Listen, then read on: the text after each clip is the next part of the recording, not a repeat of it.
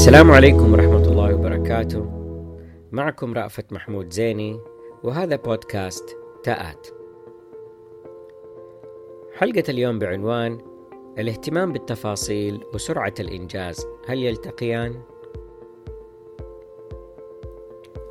يعد الاهتمام بالتفاصيل سر من أسرار تحقيق الإنجازات بإتقان.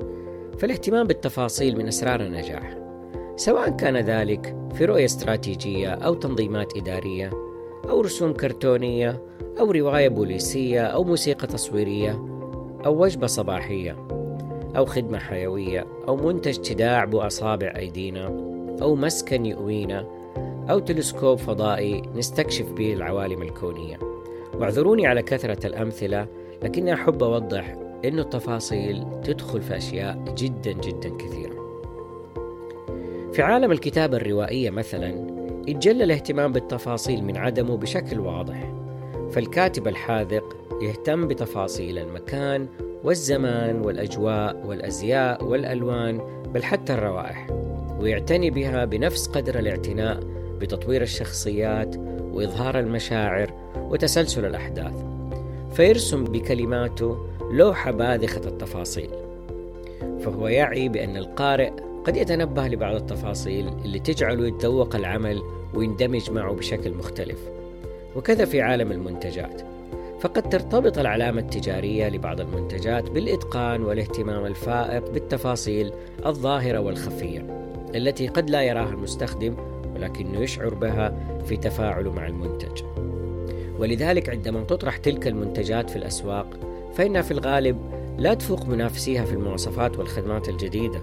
لكنها تتفوق عليهم في إتقان تصميم وتنفيذ تلك المواصفات وسهولة استخدامها كاتب الرواية أو مطور المنتج يتبع كل منهم منهجية تهتم بالتفاصيل ويسعوا لاكتمال مخرجاتهم في أوقات محددة وإلا ما صدرت الرواية أو ظهر المنتج عشان تتلقفهم أيدي القراء والمستخدمين بلهفة منقطعة النظير ولكن ألا يبدو أن الاهتمام بالتفاصيل قد يبطئ الإنجاز؟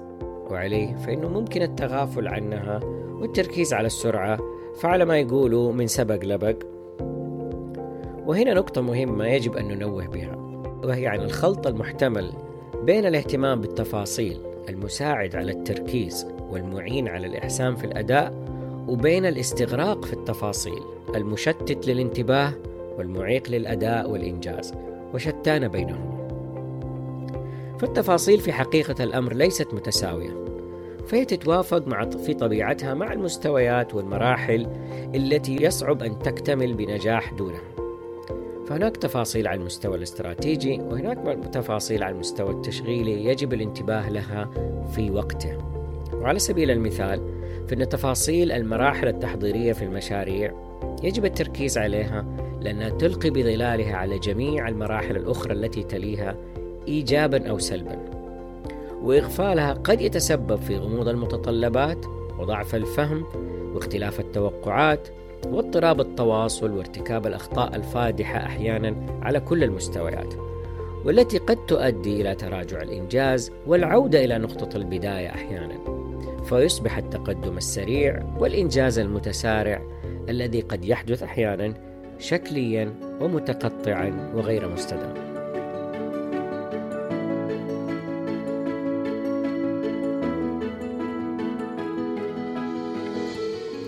تتكرر هذه الظاهرة كثيرا في عالم إدارة المشاريع حيث يمر المشروع بتسارع كبير تعقب أحيانا فترات ثبات طويلة لا تكون أسبابها في الغالب إضافة مواصفات أو تجربة للابتكارات بل بسبب العمل على إصلاح الأخطاء الناتجة عن الاستعجال الذي يغفل الاهتمام بالتفاصيل. وإن حصل وانتهى المشروع سريعا لأي سبب من الأسباب فقد يخرج المنتج ذو المواصفات العالية المتعددة دون مستوى الجودة المطلوب وسرعان ما تظهر عيوبه فتضعف ثقة مستخدميه وتتراجع سمعة مطوريه. صحيح أنه سرعة وتيرة الإنجاز والتجارب المتعددة يصحبها ارتكاب للأخطاء والتعلم منها وتصحيح المسار نتيجة لها هو خير معلم وهذا متفهم ومقبول بل ومحمود طالما كانت الأخطاء نتيجة لتطوير مواصفات جديدة أو تجربة ابتكارات تحسينية أو ثورية وليست نتيجة العجلة والعشوائية التي تغفل الاهتمام بالتفاصيل. بل إن سرعة التطوير والتجارب المستمرة تمثل أحد أهم أساليب الحديثة في الإدارة الرشيقة للمشاريع أو ما يعرف بال agile project management لكن لتلك المنهجية تفاصيل عديدة ودقيقة يجب اتباعها لتتحقق الفائدة المرجوة منها.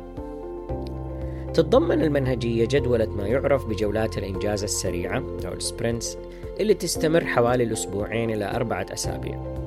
تبدأ تلك الجولات بجولة التعارف والتحضير وبناء الفريق والتي قد يبدو أحيانا أنها تبطئ وتيرة الإنجاز والاتفاق على مستهدفات الجولات المستمثلة في مخرجات ومواصفات محددة لكنها مرنة وقائمة بالمهام التي عليهم القيام بها مرتبة حسب أهميتها وتسلسلها للمنتج المعني قبل الانطلاق.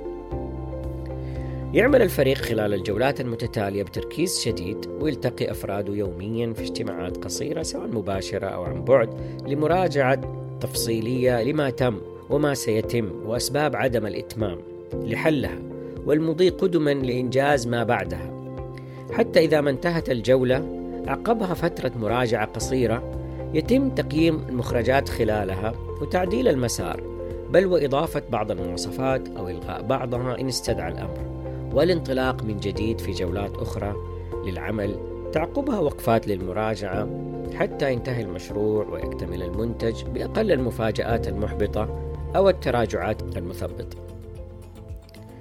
فالاهتمام بالتفاصيل رغم أهميته قد يبدو وكأنه يعيق الحراك ويبطئ الإنجاز مرحليا لكنه يكسب تسارع مضطرد في مراحله اللاحقة ليصل المنتج أيا كان إلى بر الأمان بسرعة وإتقان بإذن الله. سلامتكم.